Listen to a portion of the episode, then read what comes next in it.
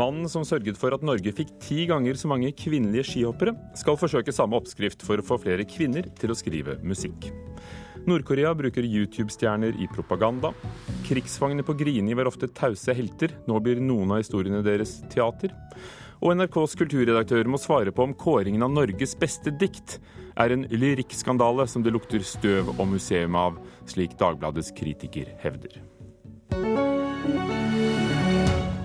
Velkommen til Kulturnytt her i Nyhetsmorgen i NRK. Bare hver tiende komponiststudent i Norge er kvinne, viser nye tall fra utdanningene selv. Nå skal kvinner frem, og den hjelpen kommer altså fra et ganske utradisjonelt hold. Nå er jeg litt out of training fordi sommerferie. 21 år gamle Anna Ivanova studerer i USA for å bli film- og spillkomponist. Når jeg skrev dette her, så tenkte jeg um, det er veldig mange studenter som er veldig alene. Det er veldig mange mennesker som um, strever med, med å finne seg, finne seg, noen å snakke med, til og med. Hun er en av få kvinner her i landet som utdanner seg til å bli komponist.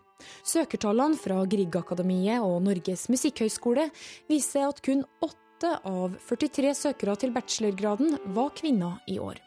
Og kun én av de 13 som kom inn, var kvinne. Jeg tror det kommer med uh, hvor mye jenter blir på en måte utfordret i det feltet, da. Siden det ikke er så veldig mange kvinnelige komponister allerede, så blir man ikke motivert til å bli en, fordi da må man på en måte sette spor selv. Det er litt, litt skummelt. Kan vi håpe at hun setter press også her på Takanashi. Ut fra hoppkanten her med Lundby. Det her kan være løsninga. Det blir et langt hopp, og hun er soleklart på pallen og i ledelsen. Dette her at jentene i skihoppingen har ikke ble sett. Og sånn er litt i komposisjonsverdenen, øh, har jeg inntrykk av òg. Sier Rune Redne ved Norges musikkhøgskole. Komponisten er også kjent som hjernen bak Det norske skiforbundets jenteprosjekt, som har noe av æren for at antall kvinnelige skihoppere her i landet har tidobla seg på fem år. Med samme metode vil han nå gi kvinnelige musikkskapere et løft. Begge deler handler om mestringsfølelse først og fremst, og et miljø å utvikle seg i. Og ikke minst å bli sett. I løpet av flere samlinger med læring og sosialisering håper han å skape et helt nytt miljø med unge kvinner som vil komponere. Allerede 40 har meldt seg på. Det jeg prøver å lære jentene, er at de skal stå først i køa, akkurat som ellers. Og så får de, hvis andre vil ha den plassen, så får de kjempe om den.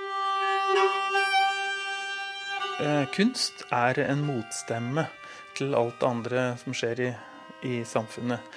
Og da når det er bare egentlig den mannlige delen som ytrer seg eh, gjennom denne motstemma, da, så er jo det litt dumt. Fordi kvinner er en stor del av dette samfunnet. Sa komponist Rune Rebne til slutt. Og Jenteprosjektet starter opp om en måneds tid på Norges musikkhøgskole. Reporter Marit Gjelland. Nord-Korea har uh, forsøkt nye veier. De skal bruke YouTube-stjerner for å fortelle verden hvor flott landet deres er. Disse YouTube-bloggerne blir invitert til en rundtur i Nord-Korea, filmer det de opplever, og så legger de det ganske enkelt ut på videonettstedet YouTube. Reporter Thomas Alverstein Ovem, du har, du har, sett på det. Hva er resultatet? Jo, Det er altså magasinet Vanity Fair som skriver om den nye PR-strategien til nordkoreanske myndigheter.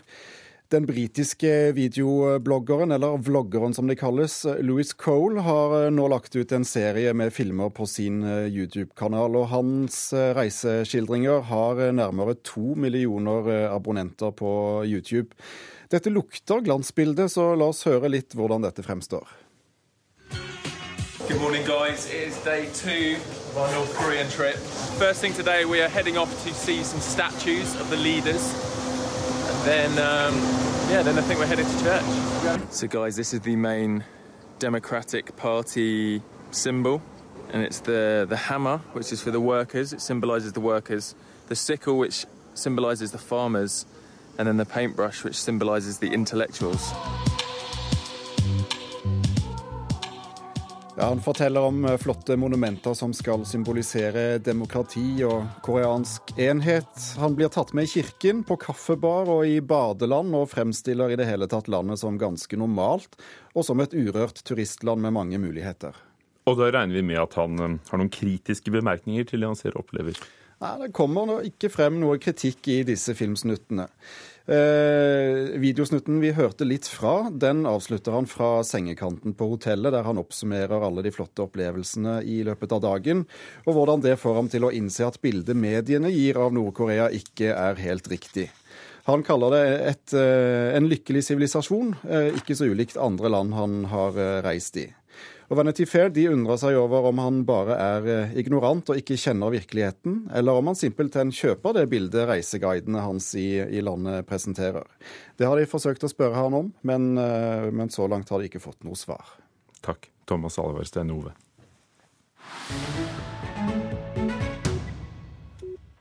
I løpet av andre verdenskrig var 20 000 nordmenn fengslet i eh, nazistenes fengsel på Grini i Bærum.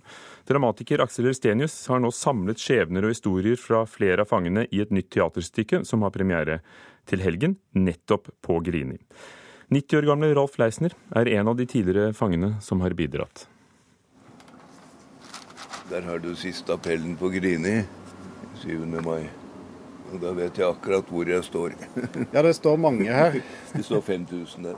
Rolf Leisner sitter på balkongen sin med idyllisk utsikt over Oslo og blar i gamle bilder og dokumenter. I 1944 er det ingen idyll. Han er 17 år gammel og blir fengslet som gissel for sin far, som er grenselos. Leisner blir etter hvert sendt til Grini, der han sitter til krigens slutt. Og så det, Dette er jo ting som er skrevet om saken om mine foreldres falske pass.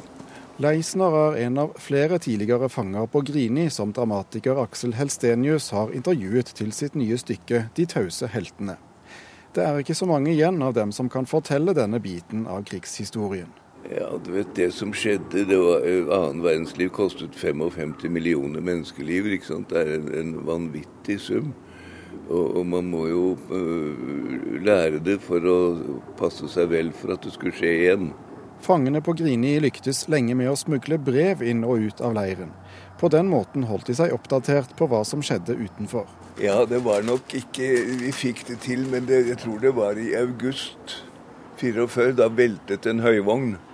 Og den var smekkfull av brev. Og da ble det uh, Siden det så fikk ikke jeg noe mer brev smuglet inn, i hvert fall. Syv-nyhetene, de gikk på høyttaler i, i, i, leiren. Og der sa de hver dag at fienden vart stagga, krasa og kastna attende etter ofse strie på ymse stader. Det, var i tilbaketoget fra Russland, og, så vi skjønte jo veldig godt det. Dermed var det lettere å leve i håpet om at tiden i nazistenes fangeleir snart ville ta slutt. Nå ser han frem til å se den ferdige versjonen av De tause heltene. Jeg har lest det, så jeg kan vel forestille meg det. Jeg ser jo ikke helt hvordan, eh, hvor skuespillerne, hvor, hvor naturtro de er osv. Eh, vi var jo sultne. og det, det er kanskje ikke så lett å få folk til å se sultne ut i dag. Du som jobbet i gartneri, hadde du mulighet til å eh, nappe til deg en ekstra tomat i ny og ne, eller? Jeg jobbet i, i agurkhuset, og eh, det er jo ikke så veldig mye kalorier i en agurk heller. Men eh, gartneriet var der for å forsyne kommandanten med grønnsaker og roser og, og andre blomster. Fortalte Rolf Leisner til vår reporter Thomas Alvarstein Ove. Aksel Stenius, manusforfatter, dramatiker og forfatter av De tause heltene. Når du går rundt på Grini i dag, hvilken kraft er det i de historiene du har fått overlevert? Ja, når man går rundt på Grini, så føler man jo at det er et veldig moderne fengsel, som bare gjør deg litt uh, trist. Uh, men uh, det er jo interessant at, vi, at stykket foregår akkurat der hvor det skjedde. For det er klart at det er eh, masse ting i hele området som, som påvirker deg. Det gjør det, altså. Grini ble altså fullført i 1939 som, som kvinnefengsel, mm. men er i dag kjent som Ila landsfengsel. Ja. Og var nazistenes uh, beryktede fengsel under krigen. Hvilke historier har du kunnet uh, høste i dag? Nei, det var jo så takket være Rolf Leisner, som vi akkurat hørte, og to andre som også fremdeles lever, som satt der. Kari Aagaard og Rolf Olav Håvik, som er snakket med og intervjuet. Så begynte det å ja, så begynte jeg å få en følelse av hva det egentlig vil si. Jeg trodde jeg visste litt om Grini. Jeg er jo liksom født i 1960, så jeg har hørt om det. Far satt på Grini, og mor satt på Grini, og onkel satt på Grini. Altså ikke mine, da, men altså folk rundt. Men eh, litt sånn symptomatisk så var det jo veldig mange som satt på Grini, men ikke fortalte om det. Da er det jo også skrevet mange gode bøker, og jeg har jo da lest sannsynligvis de fleste av disse bøkene nå. Og var veldig veldig heldig og fikk tillatelse fra, fra de som sitter med rettighetene på disse bøkene, og fritt benytte meg av stoff. Så jeg har liksom kunnet ja, hva skal vi si, velge og vrake i, i gode historier, gode skjebner og sånt nå. For det er jo vanskelig å lage et teaterstykke med 20 000 eh, roller. Det satt jo nesten 20 000 der i løpet av krigsårene. Så når du skal liksom koke ned 20 000 skjebner og tre-fire års liv, så må du abstrahere. Og blant dem har du vært opptatt av at uh, mange av dem, nemlig kvinnenes historier, sjelden er blitt fortalt. Ja. Og det ser jeg jo, På den listen over de bøkene så er det jo veldig mange menn. Og det er kjente menn. Vi snakker om Arnulf Øverland, vi snakker om Johan Borgen, vi snakker om Sigurd Evensmo. Vi snakker om Odd Nansen, Fridtjof Nansens sønn. Så det har vært der sånn massive navn på mannssiden. Derfor var det veldig interessant under researchen å liksom komme inn og begynne å lese kvinnehistoriene. For det var helt ukjent for meg. Og jeg syns jo at det er på tide altså, å, å, løfte frem kvinnehistoriene. fordi For det første satt de der, kanskje ikke så mange som mennene, men de satt jo nesten verre. For de fikk jo ikke tilgang på luft i det hele tatt. De satt inne i det som nå er Ila landsfengsel. Uh, satt nede i kjelleren, vasket alt klærne til både fangene og alle soldatene og, og, og sånt og mistet fingertuppene sine. Uh, så nei, det har vært, um, vært, fint å løfte frem de, for skjebnene der jo, har jo vært minst like dramatiske som uh, mannsskjebnene. Takk skal du ha, Aksel Rustenius og De tause heltene har premiere nettopp på Grini-museet i Bærum utenfor Oslo fredag, hvor det spilles eh, ut i august. Kvart over åtte er klokken blitt. Døre på Nyhetsmorgen i NRK. Overskriften i dag. Ny norsk behandlingsmetode viser banebrytende resultater for behandling av leddgiktpasienter. To av tre blir symptomfrie. Langt flere har mistet livet i trafikken denne sommeren enn i fjor sommer. Utrykningspolitiet har tatt flere for rus og råkjøring. I California i USA er 82 000 mennesker evakuert pga. skogbranner. Og senere i Kulturnytt har vår bokanmelder funnet seg en snakkesalig debutant med burleske ambisjoner. Vil han innfri? Vi får svar om litt. Du går fram til mi innste grind, og eg går òg fram til di. Innanfor den er kvar av oss einsam, og det skal vi alltid bli. Haldis Moren Mesås eh, kjente åpning av Ord over grind. Her leste hun i 1982 diktet som ble kåret til Norges beste kjærlighetsdikt i NRKs serie Dikt og forbannet løgn. For NRK står bak eh, en kåring av Norges beste dikt, og denne kåringen er ifølge Dagbladets hovedanmelder blitt en lyrikkskandale som det lukter støv og museum av. Og for ordens skyld, dette er altså en serie radioprogrammer som går hver ettermiddag i lørdag i sommer, og så ender det hele i en fem timer lang TV-sending i september. Fredrik Vandrup, hovedanmelder i Dagbladet. Hvordan kan et dikt som det vi hørte her, gi et feil bilde av hva lyrikk kan være? Det er jo et veldig, veldig, merkelig måte å stille spørsmål på. Det er klart at, at ord over grind er et fint uh, dikt, det. det. Er ikke det det dreier seg om. Det dreier seg om at eh, NRK har eh, hatt en jury som har valgt ut 100 dikt i utgangspunktet som skal eh, konkurrere om å være Norges beste dikt. Blant disse 100 er det 24 stykker som har fått med seg mer enn ett dikt hver. Sånn at det er bare, egentlig bare 57 diktere. Og på den lista over de 57 dikterne mangler det da noen navn som enhver med en fjerneste kjennskap til norsk lyrikk vil, mangle, vil savne. F.eks. Herman Wildenberg, Claes Gill, André Bjerke, Emil Boyson, Harald Sverdrup, Terje Johansen, eller nålevende diktere som Kolbein Falkeid, Lars Aabye Christensen, Jon Fosse, Håvard M., Helge Torbund, Arnold Eidslott osv. Det er så påfallende at eh, så mange sentrale navn i norsk lyrikk mangler i denne konkurransen, om man kan kalle det det. Da har vel ikke juryen kommet frem til at de har skrevet det som kan være Norges beste dikt, da? Sannsynligvis ikke. Derimot så har de tatt med seg noen diktere som vel de færreste kanskje vi hadde ventet seg, sånn som Dorothe Engelbrektsdatter, Magdalene Thoresen, Sinken Hopp, Dagny Juel. Altså man mener at Sinken Hopp da er en bedre dikter enn Claes Gill. La oss høre. Hege Duckert, NRKs kulturredaktør. Du har vært ansvarlig for å få i gang denne satsingen, som pågår nå og skal kulminere i, i, i september. Hvordan har du sikret deg at de potensielt beste diktene av de beste dikterne er blitt med? Ja, For det første så er jo premisset til Vandrup litt feil her, fordi at han snakker om de beste dikterne, og det er jo ikke det vi kårer. Vi prøver å kåre de beste enkeltdikte. Det er jo sånn hvis vi hadde hatt en, en konkurranse eller en, en, en, kanon om de beste dramatiske stykkene i Norge, så kan det jo godt tenkes at Ibsen hadde fått med mer enn ett stykke. Og sånn er det jo her også. Det er en fagjury som har satt seg ned og gjort den kjempevanskelige jobben å prøve å plukke ut 100 dikt. Eh, og de har valgt noen veldig sentrale eh, eh, lyrikere, og noen som ikke er så kjente. Men det er jo nettopp ut fra kraften i hvert enkelt dikt at de har gjort den jobben. Ja, det, det er jo slik at folk i, i, dette landet de forbinder nok dikt mye med dikteren. Og, og det at så mange meget, meget sentrale norske diktere ikke har skrevet dikt som fortjener å komme inn på lista over eh, Norges 100 beste dikt. Det, det tror jeg nok mange reagerer på, uansett om det er, eh, om det er diktere eller dikt man uh, snakker om her. Men kan det, det være, helt utmerket. Ja, det er jo helt utmerket. Altså, noe av hele vårt prosjekt her er jo at vi ønsker å lage det vi kaller det for en dugnad for dikt.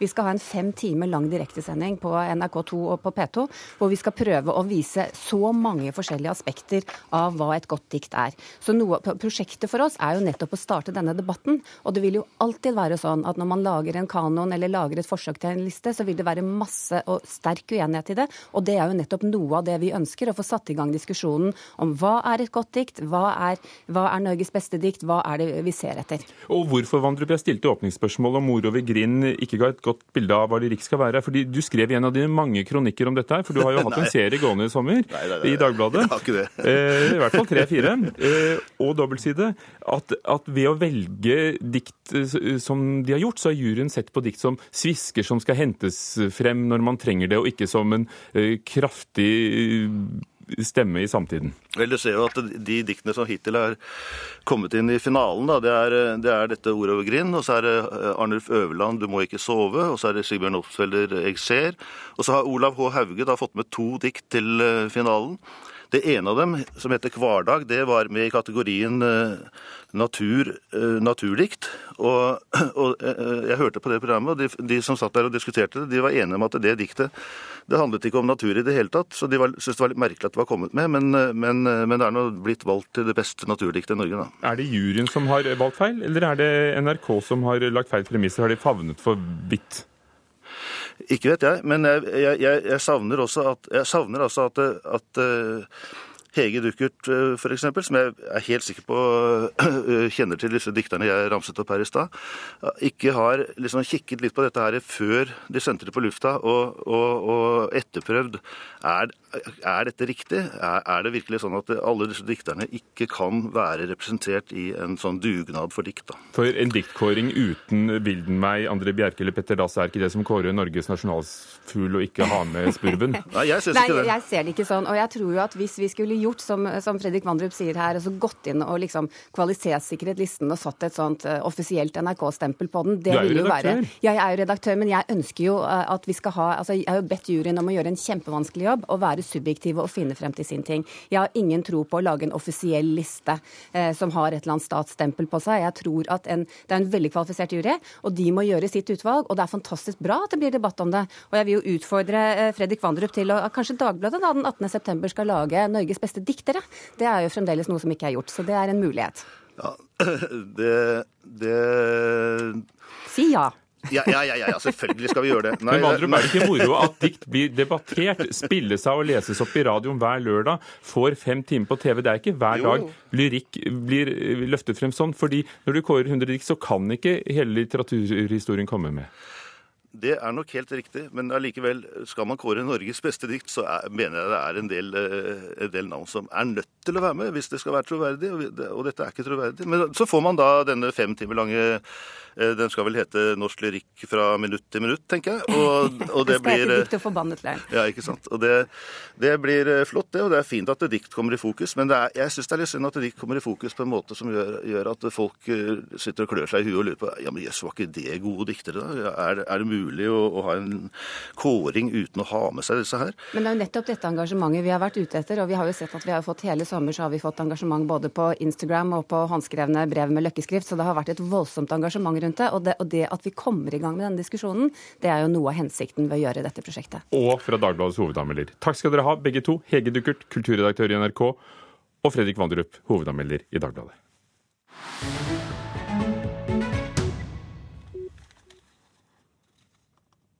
Det norske, og for en stor del studentbaserte strykeorkesteret 1B1 gjør for tiden suksess og ikke bare i Norge, også internasjonalt. Jan Bjøranger hadde ideen til orkesteret og leder i dag.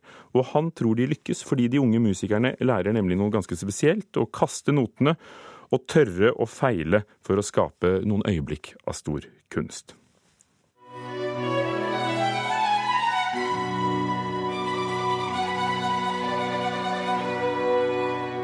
Jeg er litt opptatt av at vi skal skape en situasjon der publikum ikke vet at Usain Bolt setter verdensrekord det kanskje skjer noe veldig spesielt. Da. At man stimulerer nysgjerrigheten. Og at de velger dere framfor OL? Absolutt. Sier Jan Bjøranger, fra i år en del av den kunstneriske ledelsen for Kammermusikkfestivalen i Stavanger, som åpnet i går kveld. Musikkprofessoren ved Universitetet i Stavanger leder også det for en stor del studentbaserte strykeensemblet 1B1, årets husorkester på festivalen. Vi er involvert i nesten alt. Og mange av de viktigste tingene som har skjedd for NBN, har tilknytning til festivalen. Sånn som det at vi nå da slipper vår første plate med, med Clemens Hagen. Det var jo et prosjekt som ble til her i fjor.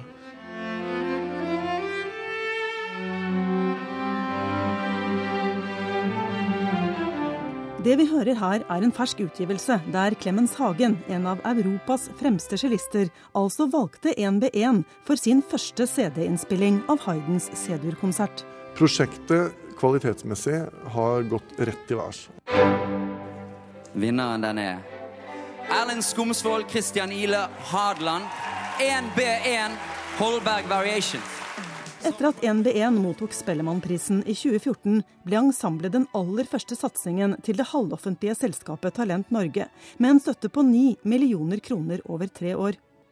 Nå reiser unge musikere fra universitetsmiljøene i Stavanger, Agder og Bergen verden rundt og spiller med profesjonelle, basert på Bjørangers filosofi om å lære utenat, kaste notene og ta sjanser.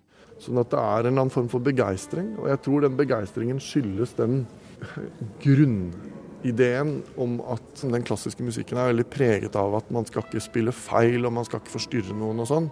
Og jeg jobber veldig aktivt for å bryte ned noen av de holdningene og gi musikerne mot til å gjøre det man må for helt å hengi seg, uten frykt for å gjøre feil. Og Da kan jo ting gå gærent òg, men det, jeg tror at det er en veldig dyp lengsel i hele vårt miljø etter å oppleve det sånn på ordentlig.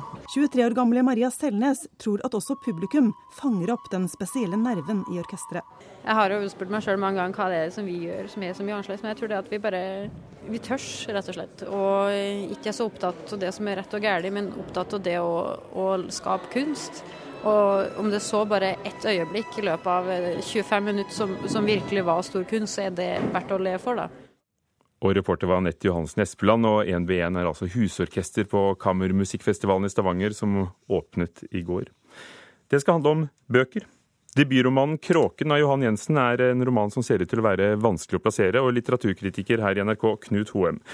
La oss begynne der. Hva pirret din nysgjerrighet for Johan Jensens nye bok? Jeg kan jo begynne med tittelen. Den heter jo ikke bare 'Kråken', den heter jo også 'Den urovekkende og besettende sannheten om tragedien på Skrinnøya', myrvangfolkets forbannelse og de blodige konsekvenser det skulle få for Vestens historie.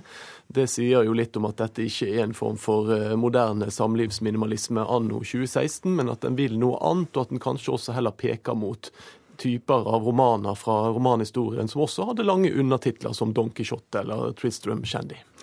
Hvis vi tar på alvor den lange undertittelen, så er det jo noen saftige ingredienser i denne historien. Hva handler eh, boken om?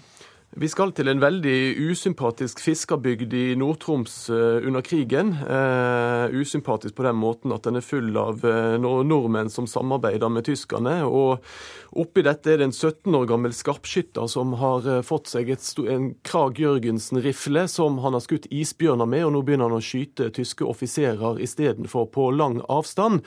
Inntil tyskerne bestemmer seg for å jevne hele bygden med jorden i en hevnaksjon. Og ut av dette dette så springer da denne her lystmorderen, som da fortsetter å myrde og myrde og myrde. Det slutta ikke under krigen. Han myrda jo seg gjennom hele etterkrigstiden, inntil han da omsider takker for seg eh, opp, i, opp mot vår tid. Viselig innrettet er det. Din anmeldelse ligger allerede ute i skrift på nrk.no. Der kan vi lese hele. Men der skriver du at denne boken snakker mest til kiosksegmentet. Eh, hva mener du med å vise til denne kanskje litt eh, utdaterte kategorien? Det er jo en morsom side ved boken at den eh, er skrevet av en forfatter som selv dør i boken, og som uh, iscenesetter seg sjøl som vi menn-skribent. Uh, og er han det? Det vet jeg ikke, det har jeg ikke fått googlet meg helt frem til. Det er også moro at denne boken inspirerer litt til å google, fordi at man lurer litt på hva det som er sant og hva som ikke er sant. F.eks. Skrinnøya fins jo ikke. Eh, men, men, det er nok en bok som på en måte mangler et eller annet form for litterært løft. Den har en Vi menn, den parodierer Vi menn, men den minner meg egentlig litt om en Vi menn-artikkel.